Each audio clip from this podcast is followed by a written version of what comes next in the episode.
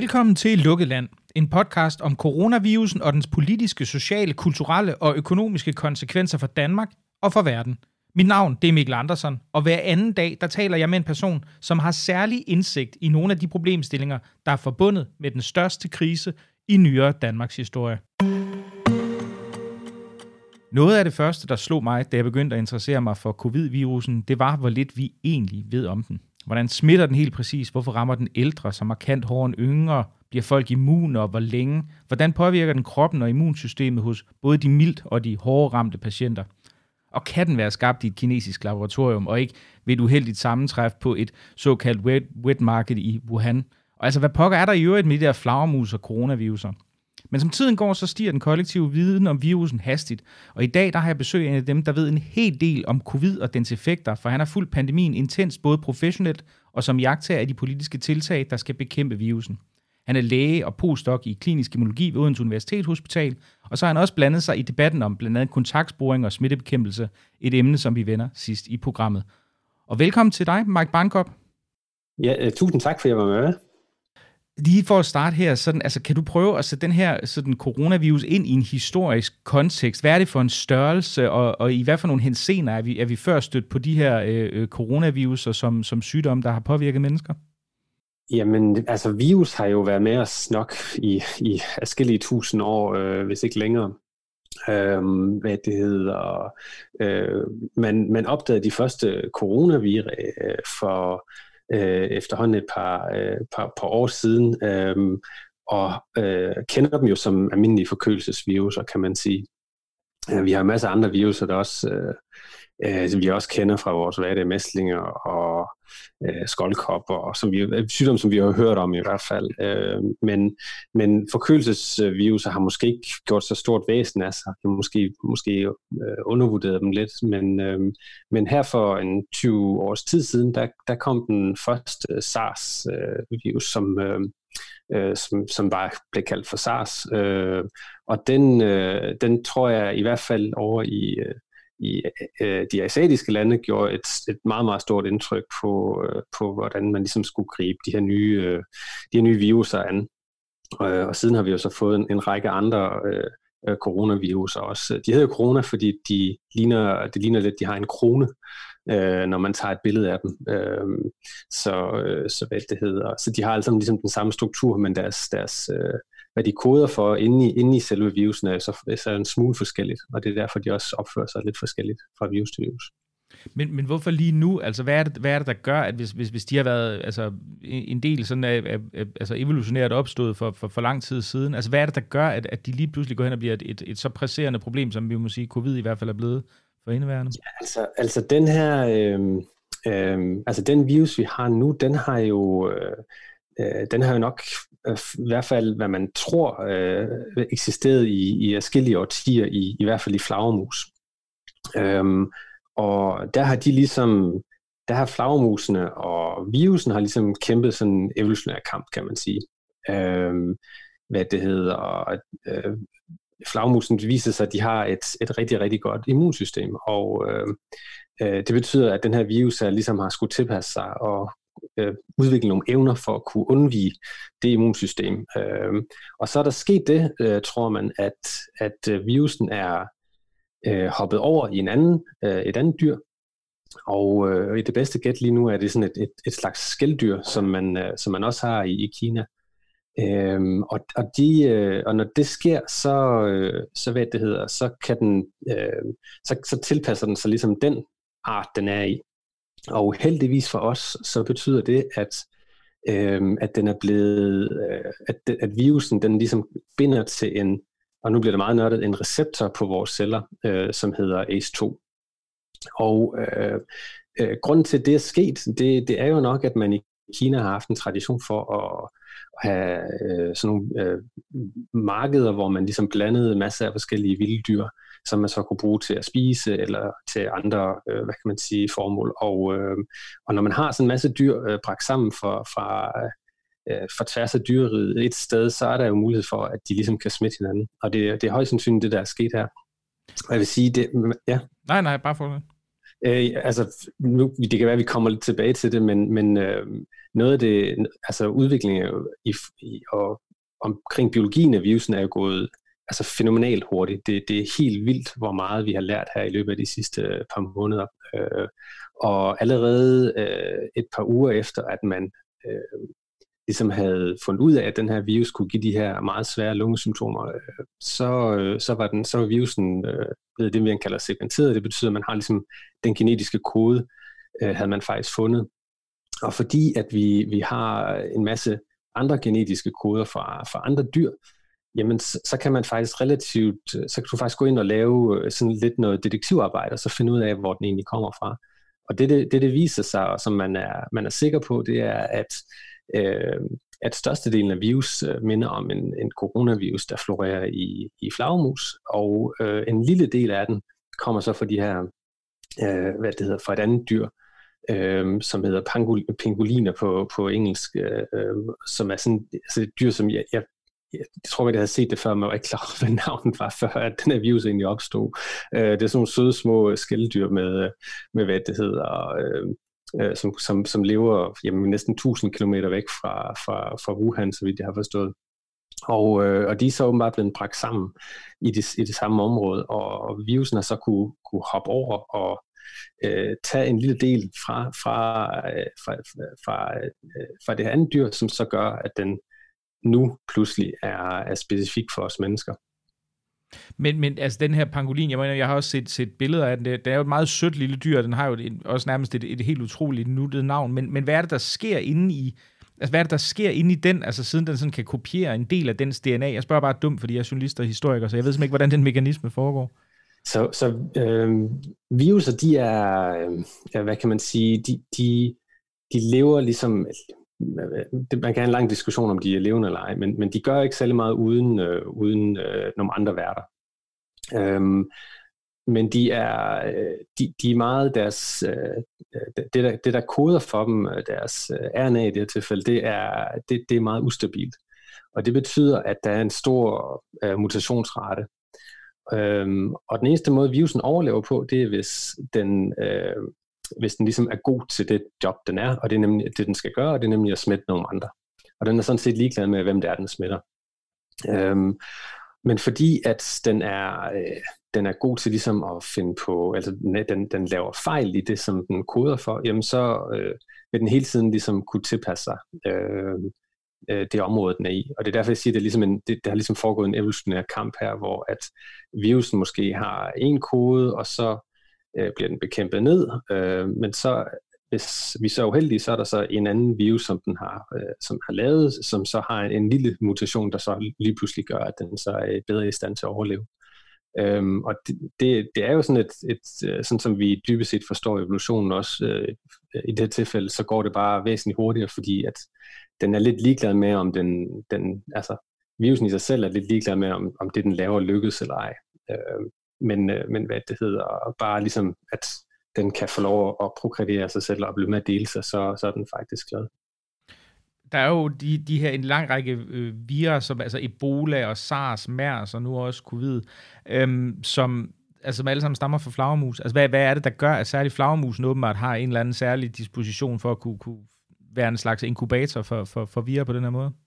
Jamen det, det er et, det er et super godt spørgsmål, fordi det er, du er fuldstændig ret i, at der, der er kommet alle de her meget skræmmende virus, og de er ligesom kommet over de sidste øh, øh 20 års tid. Og øh, øh, der, der er folk, der forsker i, hvad, hvordan immunsystemet i flagermus ligesom fungerer, og det, det viser sig, at de, de har åbenbart nogle andre karakteristika. Der er nogen, der mener, at fordi de øh, at de flyver meget rundt og er i bestemte miljøer, at de så på en eller anden måde skal have nogle, at de ligesom har nogle særlige karakteristika for deres immunsystem. Og det gør uheldigvis, at, at de er relativt gode til at, øh, at bekæmpe virus og egentlig leve med virus, uden at det påvirker dem specielt meget. Og det vil sige, sådan en virus som, øh, som øh, covid-19 eller SARS-CoV-2, øh, øh, som den egentlig hedder, øh, at den, er egentlig, den, den har egentlig ligesom fået lov at, at at, at leve og, og, og replikere i, i flagermus, fordi de egentlig ikke, de, de, de, den gør ikke det store væsen af sig i, i dem i virkeligheden. Øhm, men det gør den så i os. Øhm, og, og, og hvad det hedder.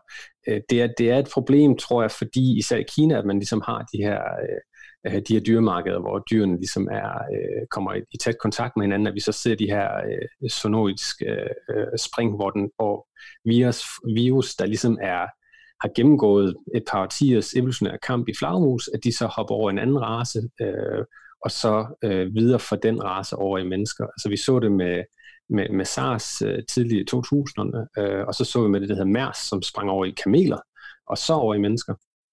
Øhm, og så nu har vi set det med, med, med SARS-CoV-2 her, hvor at den så, ja, man, man tror som sagt, det de her pangoliner her, at, at de ligesom er, er sprunget over i dem. Øhm, og øhm, spørgsmålet er jo, hvor mange øh, flere vira, der ligesom er i de her, i de her flagermus. Så det viser sig, at øh, faktisk det her laborator- biologiske laboratorium i Wuhan, som alle ligesom øh, lige pludselig hører om, fordi Trump har en anklage på alle mulige ting, at, øh, at de faktisk har lavet øh, øh en masse forskning i netop flagermus, øh, og at de har identificeret over 500 forskellige øh, corona, andre corona-arter øh, øh i, i, øh, i, i flagermus. Og det betyder jo, at vi som Jamen, som mennesker skal vi jo nok øh, overveje, nu, nu har vi haft tre spring fra flagermus af coronavirus i løbet af de sidste 20 år, øh, om, om det her det er noget, der, der kan ske igen, og, og hvis det kan ske igen, hvordan kan vi så forberede os på det? Er der en eller anden, altså det, det, det jeg tænker på, altså flagermus har jo været der i lang tid, virus har, coronavirus har været der i lang tid. Hvad er det, der gør, altså er der en eller anden sådan biologisk forklaring på, at det sker så intenst lige nu? For jeg antager, at der har ikke været sådan store, hvad kan man sige, dødelige corona eller, altså, eller virus og epidemier med, med, med coronaophav, som, som har haft den her effekt tidligere, eller hvad? Det, det, det er et rigtig godt spørgsmål. Det er jeg ikke sikker på, at jeg kan svare på, men altså, jeg, kan, jeg, jeg, jeg kan se, at der er nogen, der, der, altså, der er en diskussion omkring, at det her det er simpelthen fordi, vi ligesom vi ligesom går tættere og tættere på øh, ind, ind, i, ind i naturlige miljøer og tættere og tættere sammen, og også bringer altså, dyr ind i nogle øh, situationer, som de ikke vil befinde sig i naturligt. Mås- altså måske er det derfor, men, øh, men om det er om det er rigtigt eller ej, det, det, det er et svært spørgsmål at svare på. Men altså, som du jo selv nævnte, så var så Donald Trump øh, og hans, hans, jeg mener det er udenrigsminister, er ude med en lidt alternativ hypotese, for de mener jo, at det her øh, laboratorium i Wuhan, hvor man jo ved, at de har forsket i de her flagermusvira, og der tidligere har været amerikanske efterretningsfolk, der har sagt, hey, I skal nok være opmærksom på, at, at det kunne godt gå rimelig galt, fordi de her kinesere har måske ikke helt så godt styr på det. Altså, der går de jo direkte ud og siger, at den her, den her virus, den er menneskeskabt, men det, det virker jo til, at du sådan er meget, altså, du, du er meget kategorisk i forhold til, det er den ikke. Hvordan kan det være? Nej, Jamen det, øh, det er som sagt, fordi vi har, øh, vi, vi, vi har genetiske sekvenser fra, fra den her virus og fra andre, og så kan man lave øh, noget, der hedder, øh, hvad det hedder, molekylær genetisk flygenetik, som er sådan et, et subfelt for nørder, hvad det hedder, hvor man ligesom kan gå tilbage og så se, jamen, hvordan, hvor, når vi ved, hvor meget den udvikler sig, hvor meget ændrer den her virus og så over tid. Øh, og man kan gå tilbage og se, at man, man tror, at den her øh, virus, øh, altså stammen af den, øh, jamen den har været i, ude i naturen i, i, i forskellige årtier, så det er man fuldstændig sikker på. Så er spørgsmålet om, hvordan den så er blevet specifik for mennesker, og der er som sagt den her, det her spike-protein, der sidder på overfladen af, af, af, af viruspartiklen, den, øh, som binder til vores celler, jamen den, den kan man finde i de her andre dyr. Den, minder med 95 procent, øh, det hedder, øh, øh den er 95 procent af, af, af det, øh, er lige præcis det protein minder om, om det, vi har fundet i andre raser. Så, så der er simpelthen ikke noget, der tyder på, at, at det her skulle være lavet øh, bevidst. Når man, og det er sådan noget, vi, vi selv laver i vores laboratorium, altså vi, laver, vi, vi prøver at omprogrammere immunsystemet til at bekæmpe kræft. Og der bruger vi også øh, øh molekylærgenetiske metoder til at, og hvad det hedder, at, at lave øh, DNA. Øh, og når man gør det, så, kan, så kommer der altid et, et, et ar i, i det, man laver. Og det vil sige, at man kan gå ind nu og kigge i sekvensen, så kan man se, jamen, er der nogen tegn på, at der er mennesker, der har, øh, altså, der har pillet ved det her. Det, det er der simpelthen ikke. Så jeg synes, altså, at den skulle være menneskeskabt, det, det kan man helt sikkert, altså det, det, det kan man virkelig godt, det kan man godt tillade sig at sige, det, det er helt sikkert ikke tilfældet. Nu, nu spørger jeg bare helt dumt, fordi jeg, jeg, jeg mener, at alle jeg snakker om, de, de virker også meget overbevist altså, om, at det vil være fuldstændig uplausibelt, og det, jeg tror ikke, Donald Trump han er en af de, de, de førende immunologer, øh, eller øh, epidemiologer overhovedet, så det er slet ikke det. Men nu spørger, nu spørger jeg lige dumt, fordi, fordi men kunne man ikke forestille sig, ikke? hvis man nu tog en pangolin og en flagermus, og så tog det ind på laboratoriet, og så fik man ligesom dem til at interagere, og så kom det, altså, så, så lavede du det så biologisk, altså på en eller anden måde med overlæg, men altså uden at lave det som sådan en slags DNA-programmering, eller hvordan man ellers skal sige det, ikke? Eller det er vel RNA, men stadigvæk. Jo, men så, så, så skulle man jo vide, hvornår det var sket.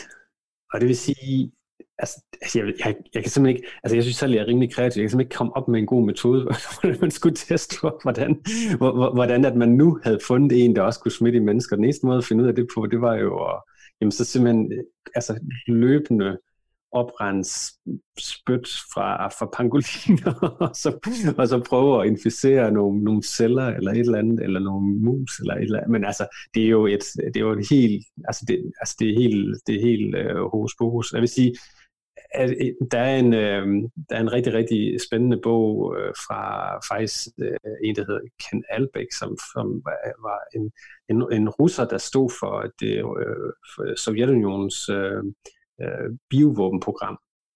Og de, altså sådan som jeg, jeg husker bogen, så havde de 10.000 mand ansat til at, ligesom at prøve at udvikle biologisk våben øh, under den kolde krig. Og, jeg, og, og konklusionen er jo, at vi kan ikke finde på noget, der er værre end det naturen smed efter os alligevel. Så, så det de faktisk endte med at gøre, det var, at de ligesom tog rundt i, i hele verden og prøvede at, at finde, øh, finde forskellige farlige viruser. Men så, så er problemet, og det er også det, han ligesom, det er lidt, lidt den konklusion, som russerne er nået til, det er, jamen hvis du så, altså hvis du så opdager et eller andet hyperfarlig virus, hvordan i alverden vil du bruge den? Du kan ikke bruge den uden, du, den rammer dig selv. Altså, så, så hvis, hvis kineserne skulle have lavet det her, så, så har de jo i hvert fald betalt dyrt for det, for der er jo tusindvis af kinesere, der, der har fået den, og, øh, og hvad det hedder, det er jo, det er jo smadret deres økonomi. Altså, så så jeg, jeg, jeg, jeg tror simpelthen ikke på det. Det giver simpelthen ikke, øh, det giver simpelthen ikke mening for mig. Nej, det virker heller ikke til sådan, at russerne, trods alt deres research, altså at de gør brug af biologiske våben, når de skal være ude efter dissidenter. Det er jo, det er jo meget polonium og resin og sådan nogle ting, tror jeg, som jo ikke er, som er lidt over en anden boldgade, ikke? Altså, så jo, det, det jo, virker ikke til. det, det, det er også lidt mere, lidt mere ude for mit. Det. Ja, ja, klart, klart.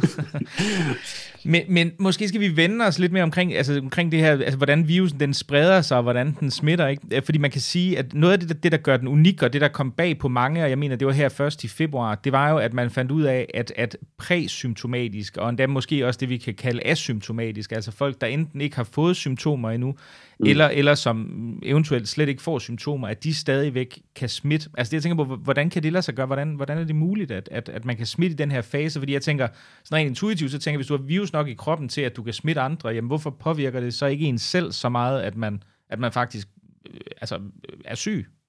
Okay, ja, så nu, nu, bliver det, nu bliver det hypernørdet. Jeg håber, det er okay med det. Men, prøv, det er en øh, podcast, det må gerne blive meget nørdet. Det er helt fint.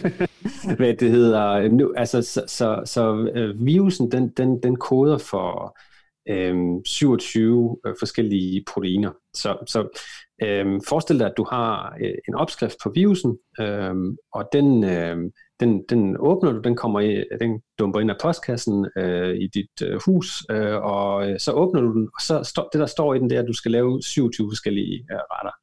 Øhm, og nogle af de øh, ting, den koder for, nogle af de her retter her, de øh, er udviklet øh, til at inhibere øh, cellens første linje forsvar mod vira. Altså forhindre, øh, jeg skal bare være...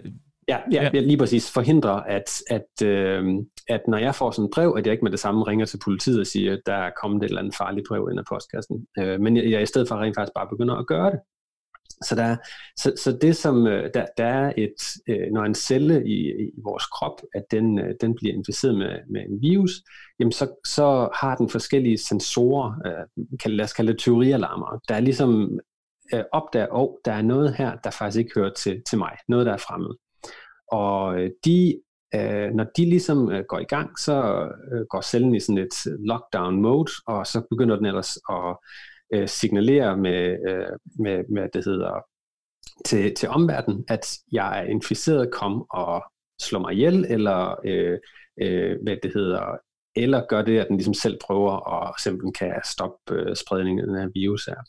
Og det, som, man, det, som der er øh, in, altså interessant, men også øh, lidt skræmmende ved, ved coronavirus, det er, at den, den koder for, eller den har, den har ligesom tre proteiner, der øh, helt specifikt kan lukke ned for det her tyverialarmsystem, eller, eller alarmsystem. Øh, som, som hvad det hedder. Så det betyder simpelthen, når virus kommer ind i en celle, jamen så de initielle, altså vores første linje forsvar, det er ligesom, det bliver sat ud af, ud, ud af spil. Øhm, den, den gør også noget andet. Den, den, øh, den omdirigerer lynhurtigt hele cellens apparat til, at i stedet for at lave alle de proteiner, som, som vi har brug for, at så øh, får cellen ligesom at vide, at du skal kun, du skal kun koncentrere dig om øh, de opskrifter, som jeg giver dig, altså den RNA-kode, som jeg har med. Det er den eneste, du skal fokusere på. Og de, de to ting til sammen betyder, at, at øh, virus, øh, lige når den kommer ind i en celle, at den faktisk er i stand til at, øh, og undertrykke øh, vores første forsvar. Og det betyder så omvendt, at alle de ting, der gør, at vi bliver syge, at det, det, det, det, det kommer først senere. Så, så når du får feber, eller øhm, øh, hvad det hedder, for hovedpine, jamen så er det typisk faktisk et respons på, fra, som, altså der, det er din krop, der reagerer på øh, øh, de ting, som immunsystemet gør. Det er ikke virus i sig selv, der giver dem. Øhm, så, så hvad det hedder, så normalt når du ligesom får, får influenza, jamen så vil du, så vil man typisk altså relativt hurtigt begynde at, at, hvad det hedder, at få det dårligt, fordi immunsystemet ligesom er i gang. Men her der, der tror man altså, at virus godt kan, kan øh, ligesom kan øh, dele sig og, og sprede sig ind i kroppen i øh, en lille håndfuld dage, inden at øh, kroppen så opdager, hov, der er et eller andet på færre her, og så sætter gang i alle de ting, der gør, at man får symptomer. Øhm, og øh, øh, det er jo lidt omdiskuteret, hvor lang tid den her præsymptomatiske fase er. Altså om, om det er øh, en uge, eller det er 14 dage. Altså jeg, jeg, jeg tror, altså, når man sådan læser litteraturen, så virker det til, at det er omkring en, en 4-5 dage, det ligesom er det, der er, er, øh, er, er, er der ligesom er ved at udvikle sig en konsensus omkring, men, men det kan godt være, at det hele tiden ændrer sig, øh, efterhånden som vi ligesom lærer mere og mere. Øh, noget, der, noget, der er værd at bemærke også, det er, at og som man måske skal have med i, i, i de her diskussioner, når vi diskuterer, hvordan vi skal stoppe spredningen af virusen, det er, at der er nogle studier, der, der, der, der påstår, at man faktisk ikke spreder helt så meget, hvis man er asymptomatisk. Og så er der nogle andre studier, der siger, at du faktisk skal sprede rigtig meget. Øhm, og jeg tror, øh, jeg, jeg, det, det, er jo sådan noget, det er sådan noget litteratur, som, som man bør læse meget, meget grundigt, hvis man nu sidder i Sundhedsstyrelsen eller andre steder. Øh, altså, hvad, hvad er det egentlig, der er, altså, hvad, hvad er det egentlig, der er op og ned i det her? Kan, kan man smitte, hvis man er asymptomatisk? Fordi så betyder det jo noget, en masse ting for de politikker, vi ligesom indfører.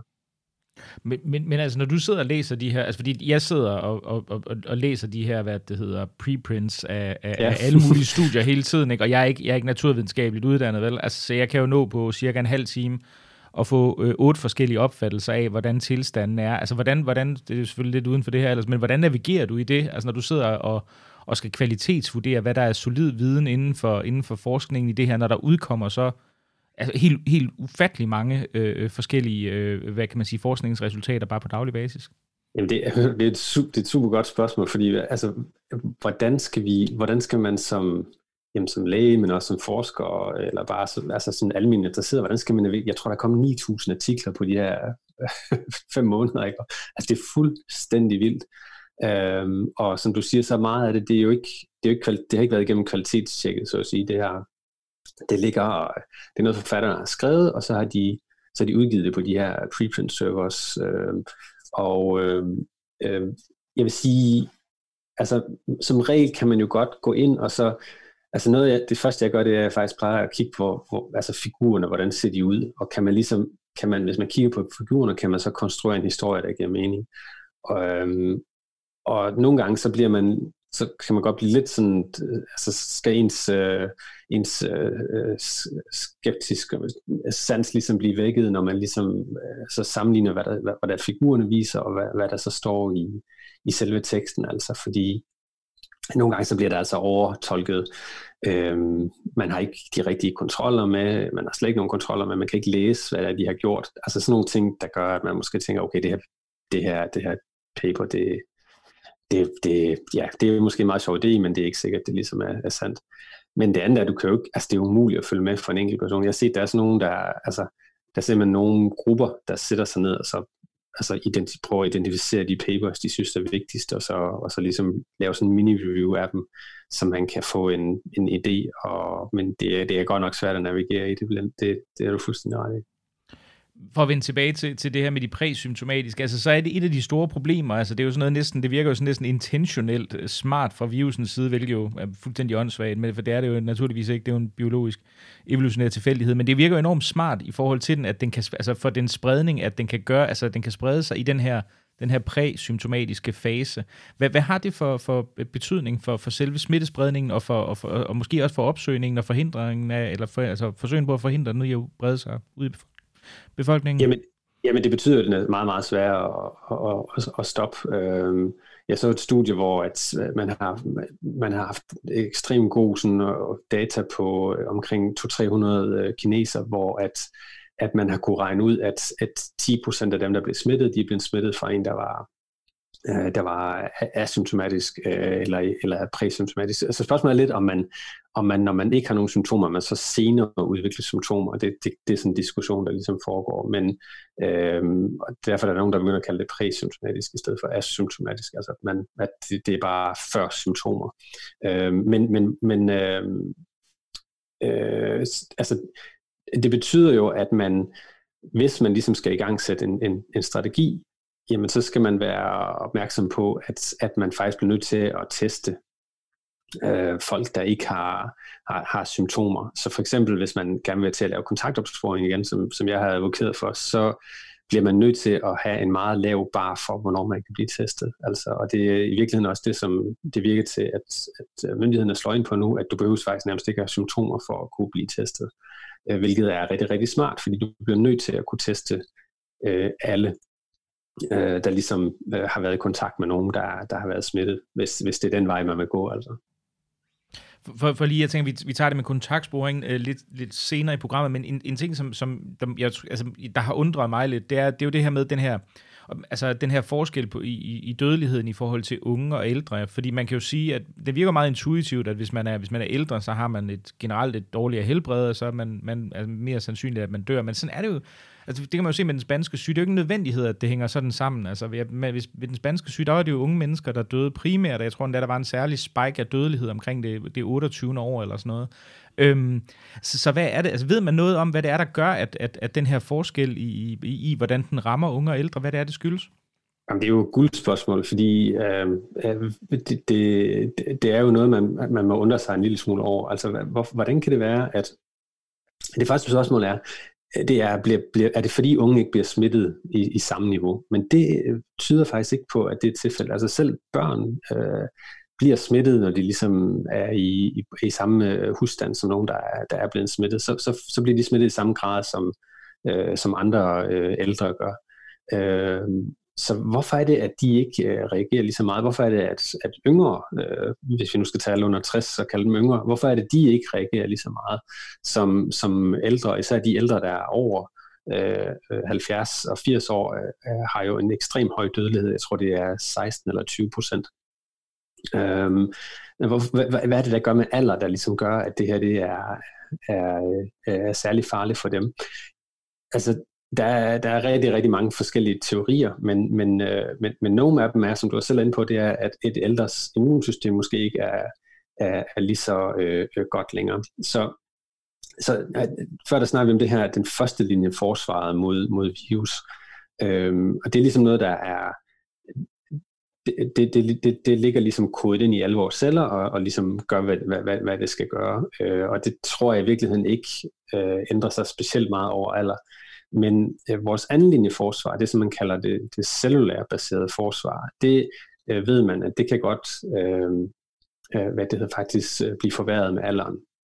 Så, så hvad er det, det består af? Det, det består ligesom af øh, B-celler, som er dem, der laver antistoffer mod virus, og det har vi jo hørt rigtig, rigtig meget om, men de, Øh, det er nogle celler, som øh, når de bliver aktiveret, jamen, så begynder de at, at danne øh, noget, der ligesom binder til øh, noget, der er fremmed, i det her tilfælde typisk øh, øh overfladeproteinerne på, på, øh, på, på virusen. Øhm, øh, så, danner de, så danner de det, man kalder antistoffer mod dem, og det vil sige, det er sådan nogle små klistrede øh, sataner, der ligesom binder fast til alt, der har den struktur, som de nu ligesom er blevet udviklet overfor. Og øh, der kunne man godt være nervøs for, at ældre måske ikke i samme, stand, øh, samme omfang er i stand til ligesom at danne øh, antistoffer mod, mod virus. Men når man kigger på dem, der er syge, jamen så har de faktisk alle sammen meget høje niveauer af antistoffer. Okay, så det er måske ikke, det, det, det er måske ikke den, det, det rigtige øh, svar. Så, øhm, så er der en anden del af vores sekundære forsvar, som består af T-celler. Øh, og det er nogle celler, som øh, også ligesom øh, reagerer mod ting, der er fremmede, men hvor antistoffer hovedsageligt binder sig til det, der sidder udenpå, øh, på hvad det hedder, øh, på sådan en viruspartikel, øh, så øh, kan T-cellerne, de kan reagere på øh, ting, der er øh, inde i, øh, og de proteiner, der bliver dannet inde i øh, de celler, der er inficeret. Så de her, de her celler her, de, øh, øh, de løber rundt i kroppen, og hvis de så øh, bliver præsenteret for noget, der er fremmed, jamen så gør de faktisk det, at de slår den celle, der udtrykker det ihjel.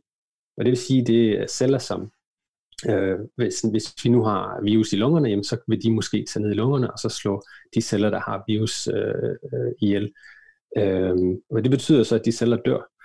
Øh, og så skulle man tro, at det var en dårlig ting, men det viser sig faktisk, eller det som, det, som jeg måske hælder mest til, det er, at, at det viser sig, at T-celleresponset ved ældre, det, det ved man er, er dårligere. Øhm, og det har noget at gøre med, at øh, for at de her celler kan binde til, jamen, de, altså både B og T-celler, de kan dybest set reagere mod et hvilket som helst øh, fremmed stof. Og det er sådan lidt, det har langsomt været et mysterium, hvordan hulen kan de øh, dog binde til alle mulige fremmede ting, som de aldrig nogensinde har set før. Og det viser sig så, at grunden til, at de kan det, det er fordi, at de øh, hele tiden øh, ændrer deres, det de binder med. Så du har sådan en, igen sådan en evolutionært pres øh, blandt alle dine T-celler. Hver T-celle har en anden slags øh, bindende molekyl, og øh, er rent sådan, fordi vi, vi danner sådan enorme mængder, øh, et enormt repertoire kalder man det, jamen så på et eller andet tidspunkt, så finder de noget, de, de kan binde til, og når det sker, så den ene T-celle bliver til milliarder og milliarder og milliarder af T-celler. Øhm, og den kan så ligesom gå på jagt efter alt andet, der minder om det. Altså nu, jeg lovede, det bliver nørdet. Jamen det, det er glimrende. Det er glimrende. Det er, hvad det hedder. Men, men hvorom alting er, så, så at bliver det repertoire, det bliver lavere og lavere, jo ældre du bliver. Og det betyder også, at man som ældre har sværere og sværere ved at, at bekæmpe nogle øh, forskellige øh, viruser. Øhm, så en anden, en anden hypotese er, at, øh, at hvad det hedder, grund til, at ældre er særligt påvirket, det er ligesom, at deres, altså deres cellulære immunsystem ikke, ikke, ikke virker lige så godt. Og så er der en, en tredje, og synes jeg også øh, lidt skræmmende øh, idé, og det er, at, øh, at faktisk så øh, kan du godt have dannet antistoffer tidligere i livet mod et andet coronavirus som øh, måske minder en lille smule om det coronavirus, vi, vi ser nu, men ikke helt. Og det vil sige, at øh, det immunrespons, du har dannet, de antistoffer, du har dannet mod den øh, gamle coronavirus, at de kan binde en lille smule til, øh, til øh, hvad det hedder, til virus, men ikke helt nok til at inhibere dens effekt. Men det de, så, det de antistoffer gør, det er, at de så øh, de stopper ikke virus, men de tiltrækker en masse øh, andre dele af immunsystemet. Og det er i virkeligheden at de dele, der gør, at man øh, reagerer øh, voldsomt og, øh, og får den her destruktion af lungerne. Så, så forestil dig, at du har virusen i lungerne, øh, hvad det hedder, der er nogle, du har allerede nogle antistoffer i kroppen. Øh, den, her, den tænker, at jeg har set det her før, jeg begynder at lave masser af det her suboptimale antistof, og det tiltrækker så en masse andre immunceller, og de begynder så at producere øh, alle mulige cytokiner, som det hedder, altså, som er, som er sådan nogle, altså dybest set ting, der ligesom i gang sætter immunsystemet. og når det sker, så, øh, øh, hvad det hedder, så, så får du ligesom en destruktion af lungerne. Men virus bliver ikke ligesom inhiberet af det her respons her. Og så har du ligesom fået sådan et, så har du fået en forkert start. Du er ligesom begyndt at jagte noget forkert, og så bliver immunsystemet forvirret. Så en teori er, at grunden til, at ældre er særlig øh, udsat, det er, at de har gamle antistoffer, der ligesom binder til, øh, øh, til hvad det hedder, til den her virus, men ikke øh, virker ordentligt. Og det er simpelthen, så de, de er simpelthen bare levet længere, så de er ligesom opbygget, øh, de har ligesom set flere coronavirus end, end vores andre. Øhm, og det er så det, der gør, at, de reagerer så voldsomt.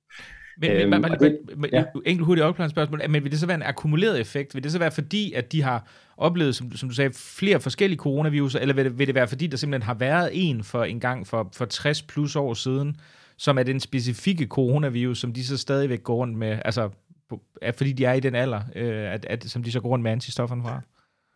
Ja, altså, og det her det er jo alt sammen teoretisk, vil jeg lige sige. Øh, men, men, men, men, øh, men hvad det hedder, men, øh, øh, øh, så, så ja, så lad os sige, at du for 60 år siden har haft en eller anden forkølelse, og så har du dannet antistoffer, og kroppen har gjort det, den skulle gøre.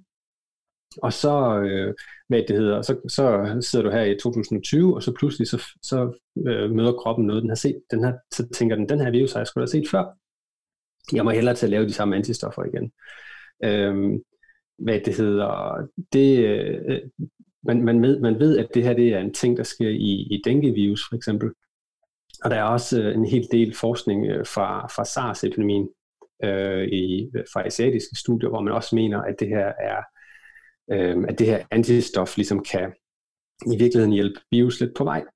Øhm, så, så det er altså en, altså det er en teoretisk mulighed for, for, for, for covid-19 her, men det er altså noget, man har set i andre virus før.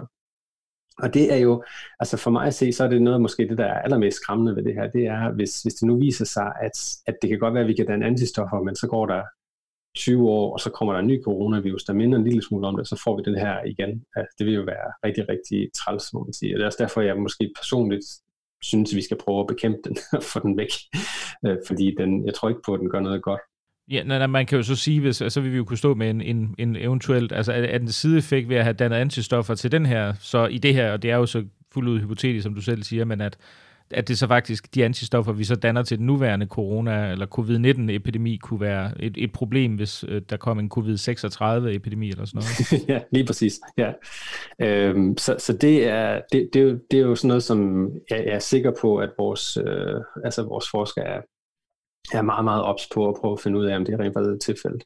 Der var nogle studier i, i aber godt nok, men, men, øh, men stadigvæk, øh, hvor man bevidst havde givet dem øh, øh SARS-CoV-2 her, og hvor man faktisk kunne, hvor man faktisk fandt ud af, at nogle af de antistoffer blev dannet, at de ligesom kunne tiltrække og starte den her cytokinstorm i lungerne. Og øh, det, altså det store spørgsmål er jo, altså når man, altså undskyld, det, det kom, når man reinficerede aberne.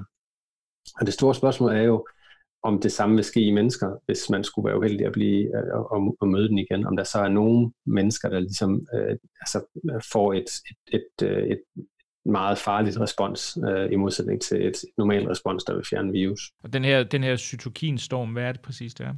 Så øh, cytokiner, det, øh, hvad det hedder, det er signalmolekyler, som, øh, som, øh, og, og molekyler, som ligesom fortæller cellen, at de skal begå selvmord, som, øh, som øh, man, man kender fra vores immunsystem. Så nogle af de her forskellige celletyper, de, de producerer et hav af forskellige de her signalmolekyler, og de øh, de tiltrækker især øh, andre øh, immunceller, og ligesom, altså det er lidt ligesom at ringe med en alarm, kan man sige. Øh, der er ildebrand her, kom, skynd jer alle sammen herover. Og det, der så sker, det er, at øh, ligesom hele beredskabet startes, og alle celler flok, altså alle immunceller flokkes ligesom til, til, til det område her. Så det ved man også fra, fra øh, de patienter, der uheldigvis er døde af det her, men som man har fået lov at obducere, der kan man se, hvis du kigger i lungerne, jamen så har de øh, tonsvis af immunceller, der ligesom er infiltreret ind i lungerne og ligesom er, øh, er aktive der.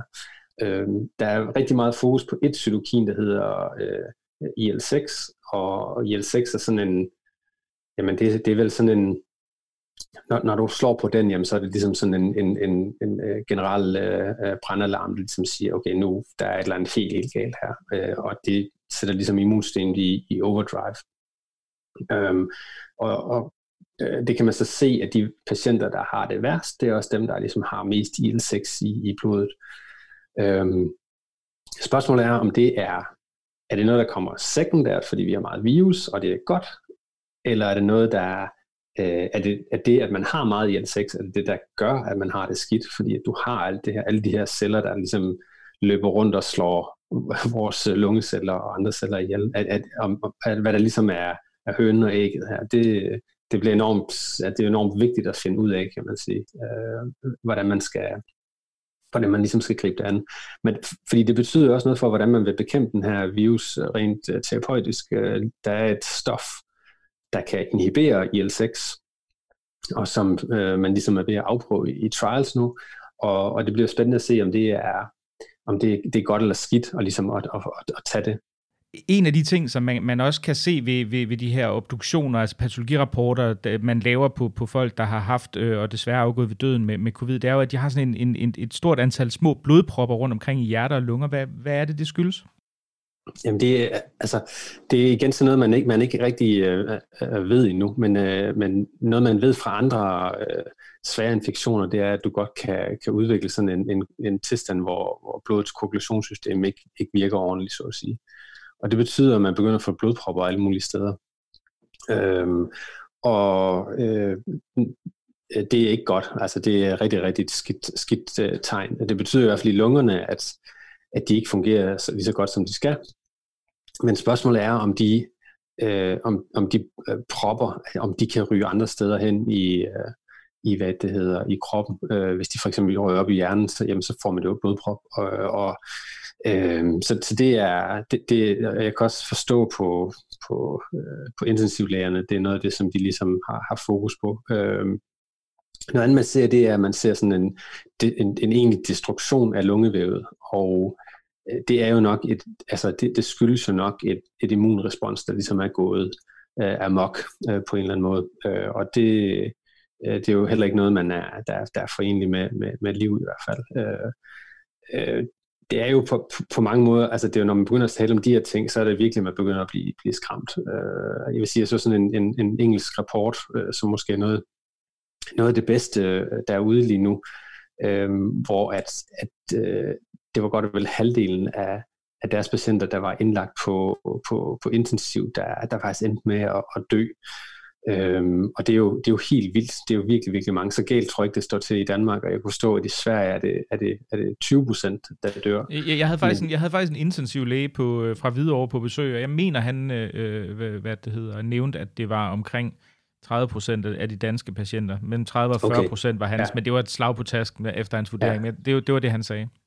Ja, jeg, jeg, jeg har i hvert fald ikke, jeg, jeg, tror ikke, jeg tror ikke, der er nogen, der har været ude med sådan en, en rapport om det endnu i Danmark, men det, men det, det vil jo i hvert fald matche de svenske tal, øh, og, og, og, øh, men det er jo stadigvæk helt enormt, og øh, de her patienter, de, de ligger der i, i uger, og spørgsmålet er, hvad der sker, når de, når de, øh, når de, kommer, når de kommer hjem. Altså hvis du har fået ødelagt din, din, altså din lunger, så det, det, kan jo, det kan jo være, at de har, skal bruge måneder på ligesom at komme sig over det. Øh, og det er jo sådan noget, det, er jo, det bliver jo det næste, vi ligesom finder ud af her nu over de næste par, par måneder år. Altså hvad er egentlig langtidseffekterne af at have haft den her virus?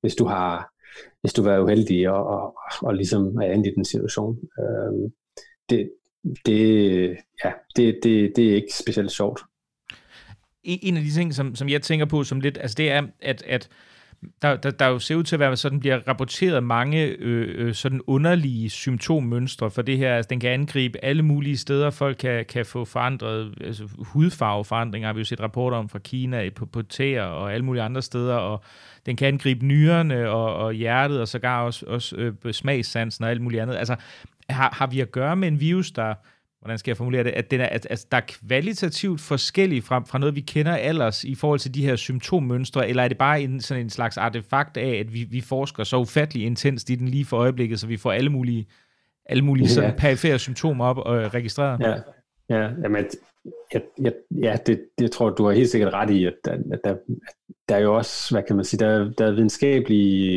øh, et enormt fokus på det her, det vil sige, at alting bliver rapporteret. Øh, så det kan godt være, det er det. Altså, for mig så tyder det jo på netop, at det er en, altså, den, de symptomer, vi får ved at få virus, er systematiske. Øh, og det er typisk, når, når, det, når, når man ser sådan et symptombillede, så er det typisk fordi, at du ligesom har fået hyperaktiveret dit immunsystem, ligesom vi kender fra autoimmunsygdommen, som også kan have et enormt bredt øh, billede. Øh, hvad det hedder. En tredje ting er, at at fordi vi ved, at øh, virus kun går ind i celler, der har AS2, jamen, så kan man jo gå ind, og så kan man sige, okay, hvad er, lad os sige, at vi har en 300-400 celler i forskellige celletyper i kroppen. Hvad, jamen, hvad er det, hvad er det for nogle, hvad er det for nogle celler, som den som ligesom udtrykker ACE2? Øh, ACE2 har man jo så fundet i nyren og i tarmen og øh, i noget hjertevæv også.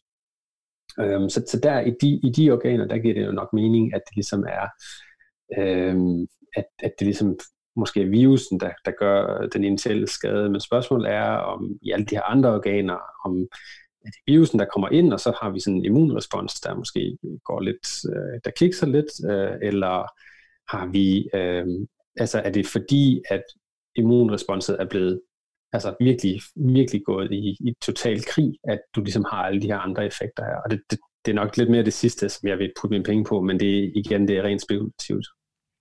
Hvad, hvad er sådan, altså den, den, hvad kan man sige, altså nu sidder vi jo og snakker om folk, der oplever de her øh, cytoniske, øh, cytokin, cytokinstorme, øh, og hvad det hedder, øh, og mange af de andre sådan meget alvorlige billeder, og det, og det er jo, skal jo siges, altså det tyder på at være trods alt en, et meget lille mindretal, der kommer ud i, øh, i, i så alvorlige sygdomsforløb. Hvad er sådan det mere mm. normale forløb, som, man vil opleve? Det, det, det normale er jo, at du får virus, og så går, du, så går der et par dage, så finder kroppen ud af, øh, at oh, der er noget her, der ikke skal være, så får du det dårligt.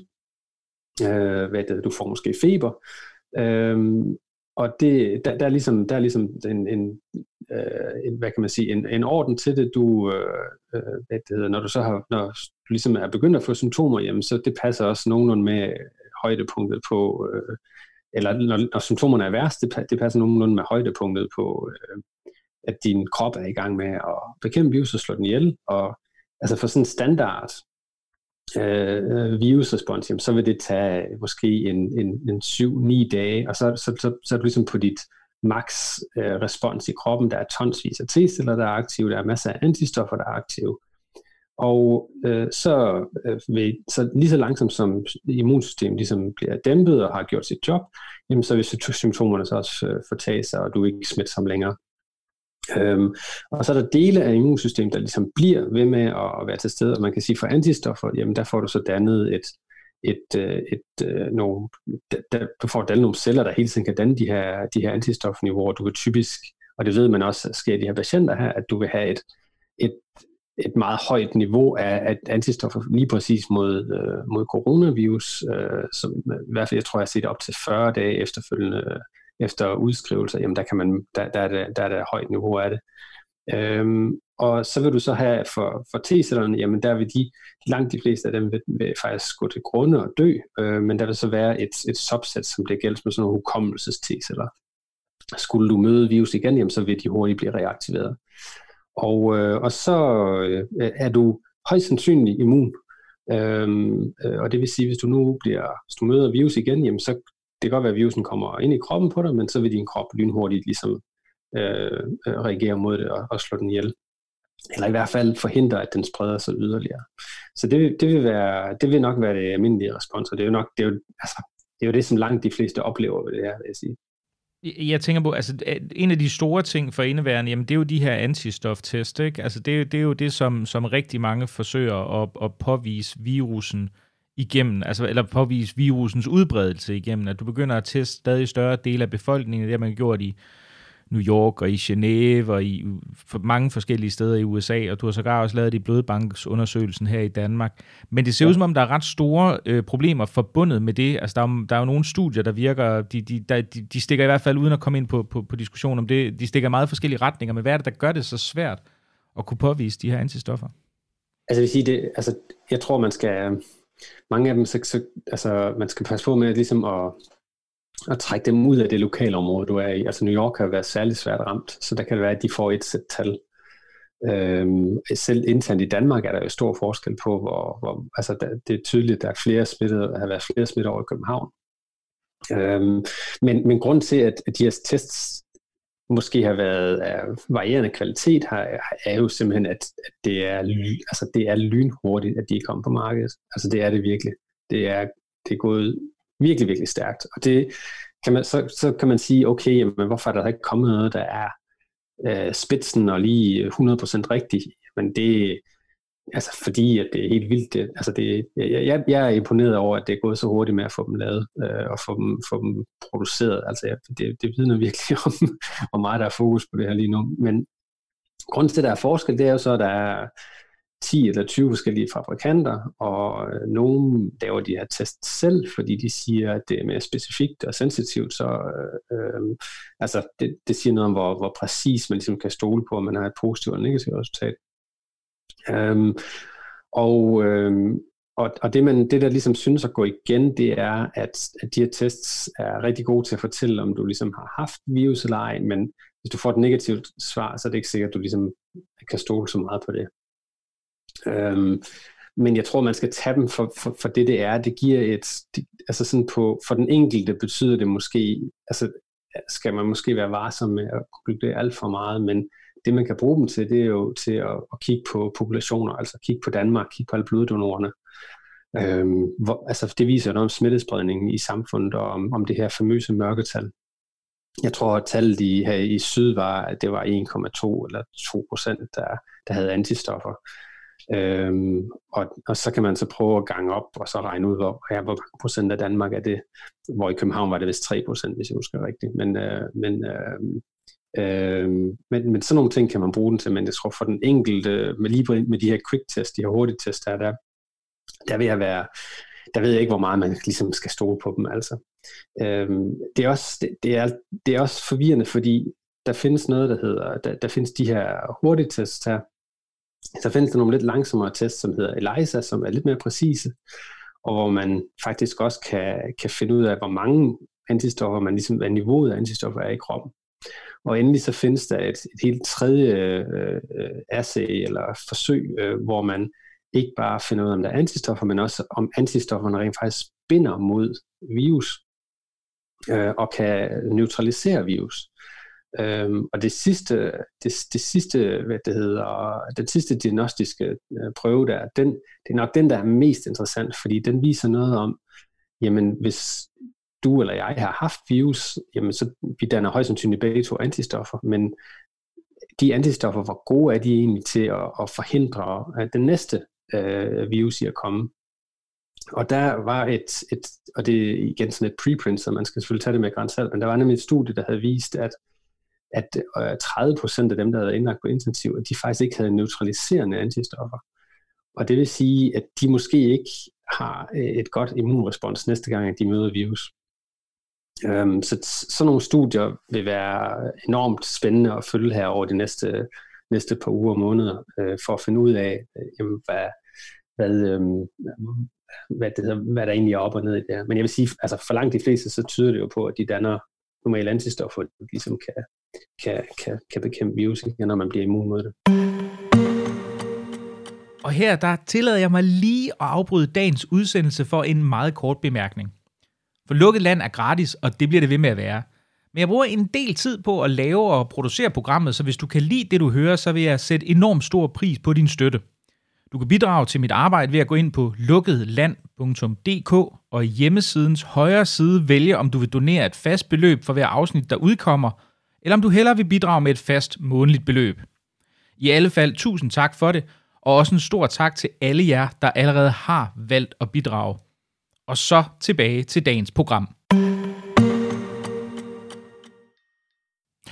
Men hvor lang tid, altså det er jo også en af de store diskussioner, altså i forhold til, øh, som, som også kan være policy-relevante, i forhold til, hvad for nogle strategier man vil satse på. Altså der er det spørgsmål om, hvor lang tid den her immunitet holder. Altså kan man sige noget om det baseret på eventuelt, øh, altså SARS, det er vel ja. en, en tilsvarende Ja, lige præcis. Og altså, Øhm, det man har set i SARS, det er, at folk har antistoffer i, i, mange, i mange måneder efterfølgende, øh, men niveauet af dem falder også drastisk. Øhm, noget man ved fra andre coronavirer, det er, at øh, du øh, faktisk ikke er øh, smidt, øh, dækket mere end et par år. Og det vil sige, øh, øh, der er nogle studier fra 80'erne, hvor man gav mennesker nogle mildere former af coronavirus, og det er desværre sådan nogle studier, der ikke var lavet på så mange mennesker og så videre, men, men øh, der gjorde de faktisk det, hvor de ligesom tog nogle studerende og gav dem øh, virus, og så øh, målte de deres øh, immunrespons, og så ventede de et år, og så gav de dem virus igen. og så i nogle af de studier, altså med andre coronavirus, der fandt man så ud af, at en stor del af de her folk her, de desværre ikke ligesom var immun længere. Og det er også noget af det, man har set med, med, med SARS. Øh, der er et, et studie, hvor man havde, øh, hvor man havde fulgt, øh, jeg tror det er nummer 20, Øh, øh, smittede, deres, der, deres nære kontakter og så nogle tilfældige, og øh, målt deres antistofniveau øh, og T-cellerespons øh, lige da de havde virus, og der var de altså beskyttet. Øh, og så seks år senere har man så opsøgt dem igen, og der viser det sig så, at der faktisk ikke var nogen af dem, der havde antistoffer længere, men rigtig mange af dem havde så et kunne danne et respons, øh, der var T-cellemedieret. Så det vil sige, de var til en eller anden grad øh, øh, hvad det hedder, øh, beskyttet og altså immune. Men, men, men øh, øh, det, man, altså det, det, som gør mig nervøs, det er selvfølgelig, at vi ikke er immun mere end et, et par måneder. Fordi øh, det, har jo, det betyder jo, at man i virkeligheden, at vi kan gennemleve det her en gang til, øh, når vi ligesom øh, lukker op. Men, men vil, vil, der være nogen, altså vil, vil det være en rimelig antagelse så, at det, det er et, altså et, et, et, en geninfektion mm, efter, at, at antistofniveauet er faldet, eller immuniteten er faldet, at det, var blevet, det vil være mildere så, eller, eller vil man regne med, at det kunne være lige så slemt som, som i første ja, omgang? Ja, det, det har du fuldstændig ret i, og spørgsmålet er også, hvor meget man, man rent faktisk kan smitte anden, anden gang. Men i forhold til, øh, altså vi, vi, vi, vi kender det jo godt for os selv i virkeligheden. Øh, jeg er sikker på, at du også har en gang hver anden eller tredje år, så har du en, en, en omgang øh, det hedder forkølelsesvirus, som lige slår en ud et par, par dage eller en uges tid, og så bliver man frisk igen. Og øh, mange, mange af, af dem skyldes jo corona, andre coronavirer, og øh, hvad det hedder. Og spørgsmålet er, om altså det, det vil mit umiddelbare gæt være, at, at det nok er det samme, vi kommer til at opleve med den her virus, hvis vi lader den øh, slippe løs, så at sige. Øh, det har jo også, det har også store konsekvenser for, hvad kan man sige, altså den antagelse, man ligger i de modeller, vi, vi bruger lige nu, er det, at de er at man er beskyttet for life, eller er det, at man er beskyttet i 40 måneder, eller, eller hvad er det? Fordi det er jo kæmpe stor betydning for, hvordan man skal, dels hvis man skal rådgive om det her, jamen, hvad er det egentlig, altså, hvornår er det egentlig, at virus så kommer igen, hvis det nu er, at vi, øh, at vi hvad det hedder, at vi bare lader den, øh, at vi bare lader den få frit løb. Øh, det har jo også, altså det spiller jo også en rolle, hvis man nu, som, som svenskerne øh, har været ude at sige, jamen, at flokimmunitet er en naturlig konsekvens af den her virus, er, jamen det, det, er der, det er det jo ikke nødvendigvis, fordi øh, vi har jo ikke flokimmunitet mod, øh, øh, hvad det hedder, i hvert fald ikke beskyttende flokimmunitet mod andre coronaviruser. Altså, ja, det, det, er ikke, det er ikke noget, der, der er set øh, uden en virus, mig bekendt i hvert fald, øh, nogensinde før. Så derfor så, hvis man siger, at man går efter den strategi, så siger man jo også, okay, vi accepterer, at der kommer en ny bølge hver, hver, hver anden, tredje år. Øhm, det, det er jo fair nok, det kan man jo godt sige er, er, er okay, eller at det er det, vi har råd til, eller det er den måde, vi vil gøre det på. Men, men lige nu betyder det rigtig, rigtig meget, de antagelser, vi tager, fordi lige nu har vi chancen for at bekæmpe den. Øh, det har vi ikke, hvis vi bare lader stå til. Så, så er, er det nok game over, kan man sige. Jeg, jeg kunne måske godt i den forbindelse være lidt, lidt nysgerrig i forhold til en af de ting, jeg har, har haft op at vende her i programmet flere gange, og jeg også selv prøver at følge. Altså, det er jo spørgsmålet om, hvad dens, hvad, hvad dens dødelighed egentlig er, den her virus. Altså, man, det, mm. der er jo sådan meget varierende, eller det vi kan kalde infection fatality rate, ikke? og der, der ved vi jo, at øh, Neil Ferguson fra Imperial College i London, han mener, at den ligger på omkring øh, 0,8-0,9. WHO, WHO siger 0,3 til 1. Øhm, og vi får jo studier, der peger i mange forskellige retninger. Vi har haft et, et, nogle, nogle meget lave øh, stu, eller studier med meget lav dødelighed fra Kalifornien, Santa Clara blandt andet, og Los Angeles, der mm. lagde den omkring mellem, om lidt over 1, 0,1 procent. Vi kan se i New York, at der satte de den til omkring 0,5 procent, og jeg tror, Genève har en, der ligger på 0,6 eller 7 eller sådan noget. Ikke? Så det virker, og, og, det, og det lyder jo som, som tal, der er meget tæt på hinanden, men altså det har, det har jo enormt store konsekvenser, hvis man anslår, at, at omkring 60 procent af befolkningen bliver inficeret. Altså så er det jo forskellen mellem i Danmark mellem omkring 14.000 ved, ja, ved 0,3 eller sådan noget, og så 35.000 døde ved, ved, ved 1 procent. Ikke? Så det er jo meget, jo, det er jo meget store tal. Så jeg var nysgerrig for at høre, om du har nogen, gjort dig nogle tanker om det? Jamen, jeg har faktisk gjort mig den tanke, at, at, at, øh, at jeg tror, det er vigtigt, man... Altså den der slags... diskussioner, den, den, den, øh, dem er jeg ikke særlig glad for, fordi grund til, at jeg blev læge, det var egentlig ikke for at, have sådan et utilitaristisk synspunkt på, om, om det nu var værd at, at redde et, et, et menneske eller ej. Altså, jeg, jeg synes bare som udgangspunkt, at det må være, strategien må være, synes jeg personligt, at vi skal undgå så mange som muligt dør. Altså, og så er det lidt lige meget, om tallet er, altså, er det Altså hvis det var en ud af en million, okay, men, men om det er om det hedder 0,3 eller det hedder 0,6, altså det er stadigvæk enormt mange mennesker, og øh, det er jo kun dem, der dør. Altså så er der den anden halvdel, som, eller de andre 70 procent, øh, som måske skal leve med langtidsfølger af det her. Så er der alle de andre patienter, som vi lige nu ikke kan tilgodese, fordi vi, øh, at vi har måttet omstille hele sundhedsvæsenet for at, at, at kunne, øh, at, at kunne hvad det hedder, at klare det her lige nu. Altså, øh, det, det, er jo, det, det er jo bare min personlige holdning, men, men, men jeg, altså, om, for mig at se, om det, om det er 13.000 eller 6.000, det gør ikke så stor en forskel. Det er stadig ikke 6.000 for mange, så at sige. Men, men, der, men der er vi jo økonomer. Altså, det, jeg tror ikke, der er folk, der har hørt det her program, vil, være i tvivl om, at jeg også mener, at, at, at, at flokimmunitet er en, en, en, en, en utrolig tvivlsom og meget problematisk idé. Men, men det, man vil, vil kunne sige, hvis der nu kom nogle økonomer løbende og sagde, prøv at vi har nogle beregninger på, på værdien af et statistisk liv, øh, altså, og, mm. og vi kan faktisk se, at de økonomiske konsekvenser for rigtig mange menneskers helbred bliver større end, end det er ved sygdommen, hvis vi siger, at den har en dødelighed, det skulle vise sig at være helt ekstremt lav, 0,04 eller sådan et eller andet. Altså, noget, altså det, det, er vel, det er vel et reelt nok argument, øh, eller hvad tænker du? Jamen det, det er det helt sikkert, og det er jo, det er jo også en, det er en diskussion, der foregår i hele sundhedsvæsenet. Hvad er det egentlig, vi skal, altså hvad, hvad er det egentlig, hvad, hvad, vi har ikke råd til det hele, hvordan skal vi prioritere det? Øh, hvad det hedder, øh, jeg, jeg tror, altså dels så vil jeg sige, modeller er, at det, det er jo pisse svært at modellere de her ting, fordi øh, vi har lige snakket om, om man er immun eller ej, det betyder kæmpe meget. Øh, hvis man ikke er det, så, så, så, er det et helt, så, er det jo, så er det et helt andet tal, vi taler om. Øh, altså, der, der, er måske en, der er måske en, synes jeg, et argument for, at man er varsom nu, og så, øh, så senere at sige, okay, jamen, ved du hvad, vi tog simpelthen fejl, det her var slet ikke så farligt, men i det mindste, så, så, så tog vi ikke chancen, altså. Øh, hvad det hedder. Det andet er, at, øh, at jeg tror, rent økonomisk tror jeg, det her det er fuldstændig umuligt at modellere. Fordi det kan jo også være, at vi ender i en situation, hvor at, at, øh, at vi ligesom får A- og B-lande på en eller anden måde. Der er de lande, hvor de siger, jamen vi kan ikke kontrollere det her.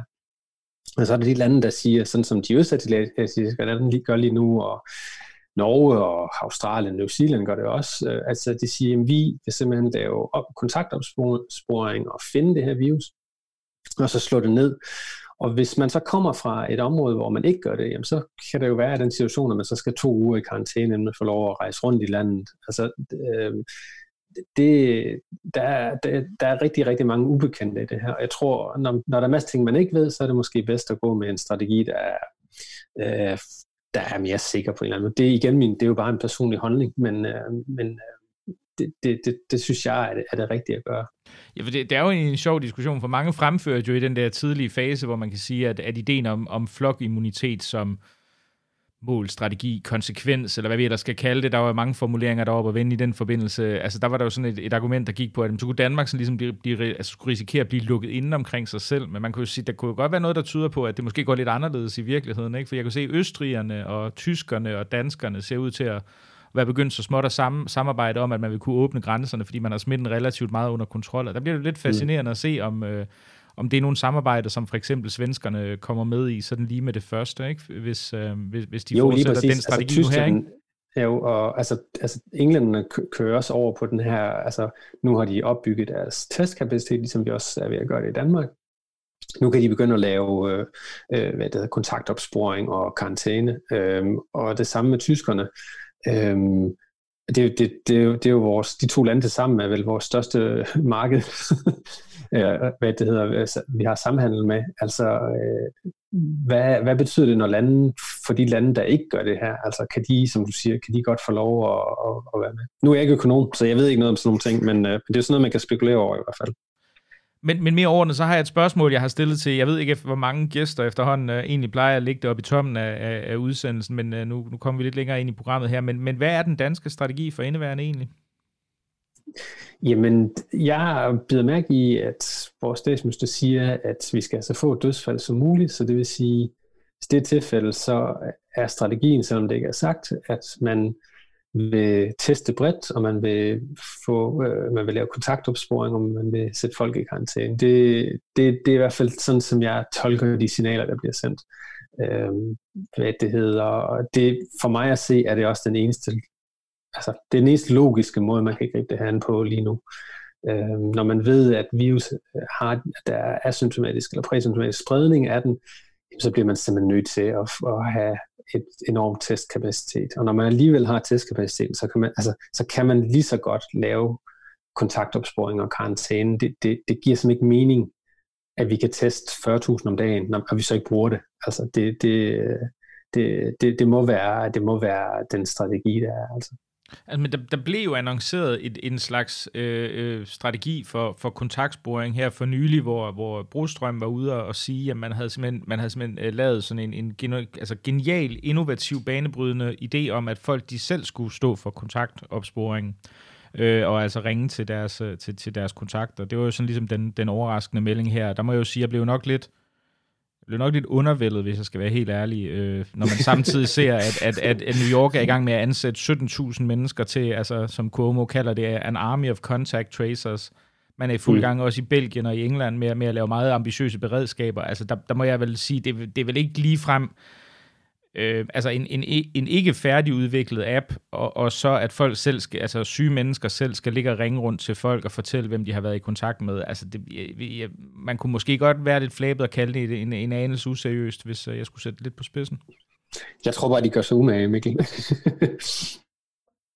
altså, jeg tror, jeg tror dybest set bare gerne, de vil have et ordentligt produkt, inden de, de sender det på gaden. Altså. Men, øh, men jeg, jeg, altså, jeg, jeg, jeg håber ikke, du har ret. Øh, jeg, jeg, jeg tror, det er måden at, at gøre det på. Altså, altså det er jo ikke kun, det er jo ikke, altså, nu starter vi med at tale om, at der måske var 500 andre coronavirus i flagermus, men det er jo ikke kun selv med den her virus her, altså, det, altså de, de systemer, vi får sat i værk nu, det er jo dem, som, altså, som bliver afgørende næste gang, vi står i sådan en situation her og vi kan sgu lige så godt gøre det ordentligt. Altså, altså, vi, altså grunden til, at de der asiatiske lande her, altså Taiwan og Sydkorea har styr på det, det var jo, at de, var, at de fik sig øh, i meget mindre skala, men de fik sig jo kæmpe skære tilbage i 2005 med, med, med SARS. Og de har jo været klar, og det har, det har vi ikke været. Øh, men det bliver vi forhåbentlig nu, og jeg vil sige, altså, at, at altså hele det beredskab, vi skal have opbygget, det, jeg håber virkelig, det kommer nu, fordi næste gang, så, er vi, så kan vi jo måske slå, slå til lidt hårdere og, og på en lidt mere, hvad kan man sige, effektiv måde. Um, så så det, det, ja, det er mit personlige håb i hvert fald. Jeg, jeg, jeg, jeg, jeg tror bare, at de ligesom gerne vil have et færdigt produkt, inden de, de melder ud. Det er det samme med testteltene. Jeg ved ikke, hvorfor man ikke, man ikke har meldt det ud tidligere. Lige pludselig så, så var det sådan annonceret, at jamen nu, kan vi, nu, kan vi, nu sætter vi telte op over hele landet, og nu kan alle blive testet. Det kunne man da godt have sagt noget tidligere, tænkte jeg. Men, men der, der må være der må være nogle grunde til, at de ikke tænker, det er den rigtige måde. Man må i hvert fald sige, at der er en påfaldende lukkethed i forhold til, til, til kommunikationen, i forhold til, også, også i forhold til det grundlag, som en del modelberegninger bliver lavet på, ja. som, som står i hvert fald i, i, i skarp kontrast til en række andre lande, øh, ikke mindst Norge, som jo ellers minder ret meget om Danmark på mange områder, øh, hvor mm. man lægger nærmest alt frem. Men, men jeg tænker bare på, fordi nu, nu kontaktsporing har jo været noget, du, du selv har været meget optaget af, og der, der sidder jeg lidt og tænker, altså den her model, som jo er det, man har meldt ud indtil videre, fordi jeg, jeg sidder jo og tænker, hvorfor, hvorfor hyrer man ikke mange mennesker ind og tage, altså simpelthen, der er ja. mange arbejdsløse. Altså, det, det er vel ikke specielt, øh, altså, det, det er dybest set at sige, jamen, prøv, du skal lige gå hjem, og så forhåbentlig ikke være alt for syg, og så ringe til folk og sige, at nu skal de gå ned og blive te- testet. Altså, det er vel ikke, hvis vi kigger på de asiatiske lande, eller bare de planer, der er i USA, eller England, eller, eller Belgien, det er vel ikke, det, det er vel ikke noget, der, der sådan er reel kontaktsporing, eller hvad? Der var, var der ikke engang sådan en film om sådan en, en gut, der havde fået klamydia, skulle han ringe rundt til, til alle hans ekskærester og fortælle, at han havde fået klamydia. Var det, var det ikke sådan en, en dårlig dansk jo, om det? var det øh, kærlighed øh, første hik, eller noget, jeg ikke kunne. Det jeg kan godt huske, der var en, ja. ja. Men, men altså, jo, men altså, det er jo ikke, øh, altså, det, det vil jo være smartere at gøre det med sådan en, en altså, der findes jo sådan nogle apps, der, der er sikre og anonyme, hvor at det ligesom er, de kan fortælle, hvem det er, man har været i nærheden af i toget og i bussen. Mm som i øvrigt er nogle af de steder, man ved, at der er størst mulig risiko for at blive smittet. Altså, at, at det er jo der, man ligesom må, altså der, der skal jo være en eller anden intelligent 21. århundrede-agtig løsning øh, for de her ting her. Altså jeg, jeg tror heller ikke helt, at det nytter nok i virkeligheden, at man bare ringer rundt. Øh, det, selvom det nok ikke, jeg håber ikke, det er lige så stigmatiserende som, som fortælle Ej, jeg t- tænker trods alt, smitte, smittesituationen er vel kvalitativt anderledes, som oftest, ikke altid nødvendigvis, men Men, men, men altså, det er, jo alligevel, det er jo alligevel interessant, fordi, altså, okay, øh, jamen, så ringer jeg til min gode ven, og han har lige været på plejehjem og besøgt hans bedstemor, øh, mm. fordi at, øh, Øh, det har de endelig fået lov til igen, og så går der et par uger, og så er bedstemor alvorligt syg. Altså, det, det, kan, det kan jo godt give nogle underlige situationer, det der. Øh, det, det, jeg ved ikke, jeg, jeg, vil, jeg vil foretrække en, en, en, sådan en, en app-baseret løsning. Men, men, men tror du ikke, altså som man også ser mange steder, at en app-baseret løsning vil kunne gå, og det gør det jo også i Sydkorea, gå hånd i hånd med den mere, øh, altså, jo, jo, den mere sikkert. traditionelle metode, jo. hvor du så har altså et spørgsmål om, at du interviewer folk, og jo. så har du nogen til at ringe rundt til samtlige kontakter. Og, og, og noget, som, som jeg også lod mærke til, at, at de var ude at sige, altså sige, det er jo, at der skal være et setup for, hvad folk egentlig skal gøre, når de bliver, skal gå i karantæne. Altså det, det, det var også noget, det jeg måske altså, kritiserede tidligere, at, at der ikke var altså man sagde bare til folk, hvis du har symptomer, så bliv hjemme i to uger, men der er jo alle mulige grunde til, at folk måske ikke bare lige kan blive hjemme i to uger. Vel? Altså, der, der tror jeg måske godt, at man kunne trække lidt mere på vores fællesskabsfølelse i landet. Altså at sige, men prøv at høre, at altså, vi, skal, vi, skal have et helt setup omkring, hvordan det egentlig er, at folk går i karantæne. At der skal være nogen, der ligesom tjekker op på dem. Øh, altså, der, der, at det simpelthen er sat i system med, hvor, hvordan de skal få mad, hvis de skal have medicin, eller at der skal komme en, altså de bliver syge med andre ting, jamen, hvordan får vi, altså der, alle de ting der, det, det, er jo det er sådan nogle praktiske problemer, som man, som det, jeg siger ikke, det er let, men det er jo sådan noget, man kan sætte sig ned og løse, ikke? Altså, øh, vi kaster jo enorme ressourcer efter det her lige nu. Ja, altså, Altså jeg vil sige, et, et af de forslag, som jeg egentlig synes var virkede interessant, det var faktisk, øh, ikke fordi jeg nødvendigvis synes, Cepos har været de allermest konstruktive i den her sammenhæng, men der, der, var, der var en, der foreslog, at man kunne lave et økonomisk incitament, og så, så stille øh, de tomme hoteller til, til rådighed for folk, der ikke har mulighed for at gå i karantæne i eget hjem, og det vil der jo være nogen, som ikke har, hvis de bor i en, i en, i en toværelses på et brugkvarter med, med, med, med et barn eller noget andet, så kan man jo kun have et toilet, så kan man jo ikke øh, reelt isolere sig fra resten af familien, hvor hovedparten af smitten sker, ikke? Øh, det kunne måske være, det kunne måske være en rigtig, en rigtig, og det gør man jo, der har jeg lige set i, så sent som i dag i New York, at man begyndt at tilbyde øh, muligheden for at kunne, kunne komme i individuel karantæne på, på nogle af de tomme hoteller, der, der selvfølgelig heller ikke bliver brugt til noget derovre. Ikke? Ja, men det, det er da en god idé, altså. Øhm, men jeg tror også, at altså det her det er jo vidner jo om, at det øjeblik, vi får identificeret strategien, om, altså øh, det øjeblik, man melder det ud, det behøver, det ikke at være skjult eller, eller hemmeligt i min, i min optik. Øh, altså, det øjeblik, man melder de her ting ud, jamen, så, vil, så vil hele landet jo samle sig om den, de, de, altså det, de, den strategi, ikke? altså hotelkæderne vil jo, altså vil jo garanteret selv ligesom støtte op om det og, og finde på, hvordan man kan gøre det her på en forsvarlig måde. Altså, altså alle er jo hyper ops på, at vi kan få, få den her virus, øh, øh, hvad det hedder, stanset helt, ikke? Men, men øh, jeg, jeg tror dybest set bare, at de skal sige, hvilken retning man skal gå i. Altså. Ja, man må i hvert fald sige, at, at, at altså den her øh, knus-kurven-strategi, øh, øh hvor man går ud på at holde smitten så lavt nede som overhovedet muligt, er i hvert fald noget nemmere at kommunikere end, øh, end flokimmunitetsstrategien, må man jo sige, der har nogle indbygget logiske inkonsistenser, fordi det er et spørgsmål om, at alle skal egentlig smittes, men det skal bare ikke gå alt for hurtigt, og det kan man jo se ja, kan være ret svært at implementere i praksis. Ja, det, jeg synes virkelig, det er sjovt, og, altså sjovt er måske et forkert ord, men det er i hvert fald det er enormt interessant at se øh, altså svenskernes, hvad kan man sige, tilgang til det her, fordi så siger de jo måske lidt hoverende, jamen, I får problemer, når I vil åbne op, fordi hvordan vil I dog gøre det, uden at man ligesom kan, kan hvad det hedder, kan, kan smittesprede. Og jeg tror også, den initielle, altså når, hun, når vores statsminister går ud og, og siger, at landet skal lukkes ned, øh, altså, så taler hun jo til et eller andet urinstinkt i os, ikke? Og, altså, hov, der er fare på færre. Nu, nu, nu gør vi et eller andet hyperdrastisk og lukker alting ned. Men, men nu, det budskab, vi skal sluge, det er, at og nu åbner vi op, men det er lidt komplekst, og måske, mås, måske man godt må, måske hvis man arbejder i hjemmepleje, man godt må tage på arbejde, selvom ens barn er sygt. Altså, så bliver det lige pludselig meget mere mudret på en eller anden måde. Øh, og kommunikere i hvert fald. Og øh, der siger svenskerne så, jamen der, har, der kan I bare se, ikke? og vi, I får de problemer, vi, vi ligesom ja, vi, vi, har, vi, har, vi har løst op front, men, men jeg vil, jeg vil stadig sige, jeg tror altså, jeg tror altså det, den, den, det har været den rigtige måde, altså simpelthen har været, at man tager det forsigtigt og roligt og, øh, og, og, og ser an, hvor det egentlig vil bevæge sig med den her sygdom er, i stedet for bare altså prøve at, at lade så mange blive smittet som muligt. Det, det tror jeg simpelthen ikke er den rigtige jeg må også, metode. Ja, jeg må, altså umiddelbart virker det jo også til, øh, nu, nu skal jeg snakke med en, øh, i den kommende udsendelse, skal snakke med en af øh, Nordeas chefstrateger igen i øvrigt, øh, og der kan man sige, altså rent økonomisk ser det ikke ud som om, at svenskerne kommer ud af det her øh, bedre end, end Danmark. Noget kunne I jo tyde på, men det er så mere på grund af deres økonomiske struktur, de kommer ud af det værre. Ikke? Men man, vi kan i hvert fald med sikkerhed mm. sige, at de, øh, de kommer ud af det med indtil videre markant flere døde. Ikke? Så, jo. Så man kunne jo godt lave det argument, jo, indtil det er videre er det... Ja. Hvad siger du, undskyld? Ja, det er jo kun i Stockholm. Altså, altså den har jo ikke, virusen har jo ikke, de har jo været relativt gode til at, at lave social distance, ligesom vi har i Danmark. Og så, så de, de, har, de får jo ikke den her effekt i resten af landet. Så spørgsmålet er, hvordan de vil, altså, de, om de vil acceptere, at det her, den her mængde af dødsfald, at den ligesom også spreder sig til resten af landet. Altså, det, det, for mig at se, at det, altså, det er sgu lidt ubegribeligt, men jeg har en god, en god kollega og en god ven, som, som øh, arbejder op i Stockholm, og altså, der er jo enorm opbakning til den her strategi, også blandt lægerne, kan jeg forstå, altså, at det er det rigtige at gøre. Øhm, så det, det, altså de siger, jamen vi må tale til om et år, men jeg synes jo, altså igen, hvis man lægger modellerne ud, så kan man jo se, hvad de, hvad de, hvad, hvad, hvad de ligesom forudsætter sker den næste måned, og hvis det så ikke passer, altså hvis der så pludselig er mange flere døde, eller mange færre, så, må man, så synes jeg jo, man må, må tilpasse. Altså. Så det er også et af argumenterne for, at vi bør lægge modellerne ud for Danmark. Altså. Så bevæger vi os i den rigtige retning.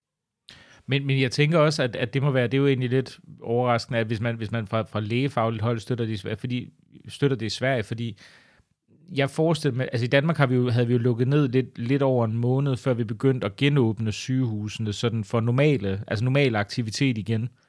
Øh, og jeg kan jo se, at i Sverige har de jo, altså de har aflyst planlagte kejsersnit, det er jo blevet meldt offentligt ud, men jeg tør jo slet ikke tænke på, hvilke andre ellers normalt forekommende operationer, der bliver skubbet ud i næsten, altså Øh, altså i hvert fald i Stockholmsområdet for indeværende, altså meget langt ud i fremtiden. Altså det må jo være en enorm behandlingspukkel, man, man, man, man skyder foran sig, når du, når du har dybest set en, en intensiv belægning på 80% for ja. eksempel. Det ja. ved jeg ikke.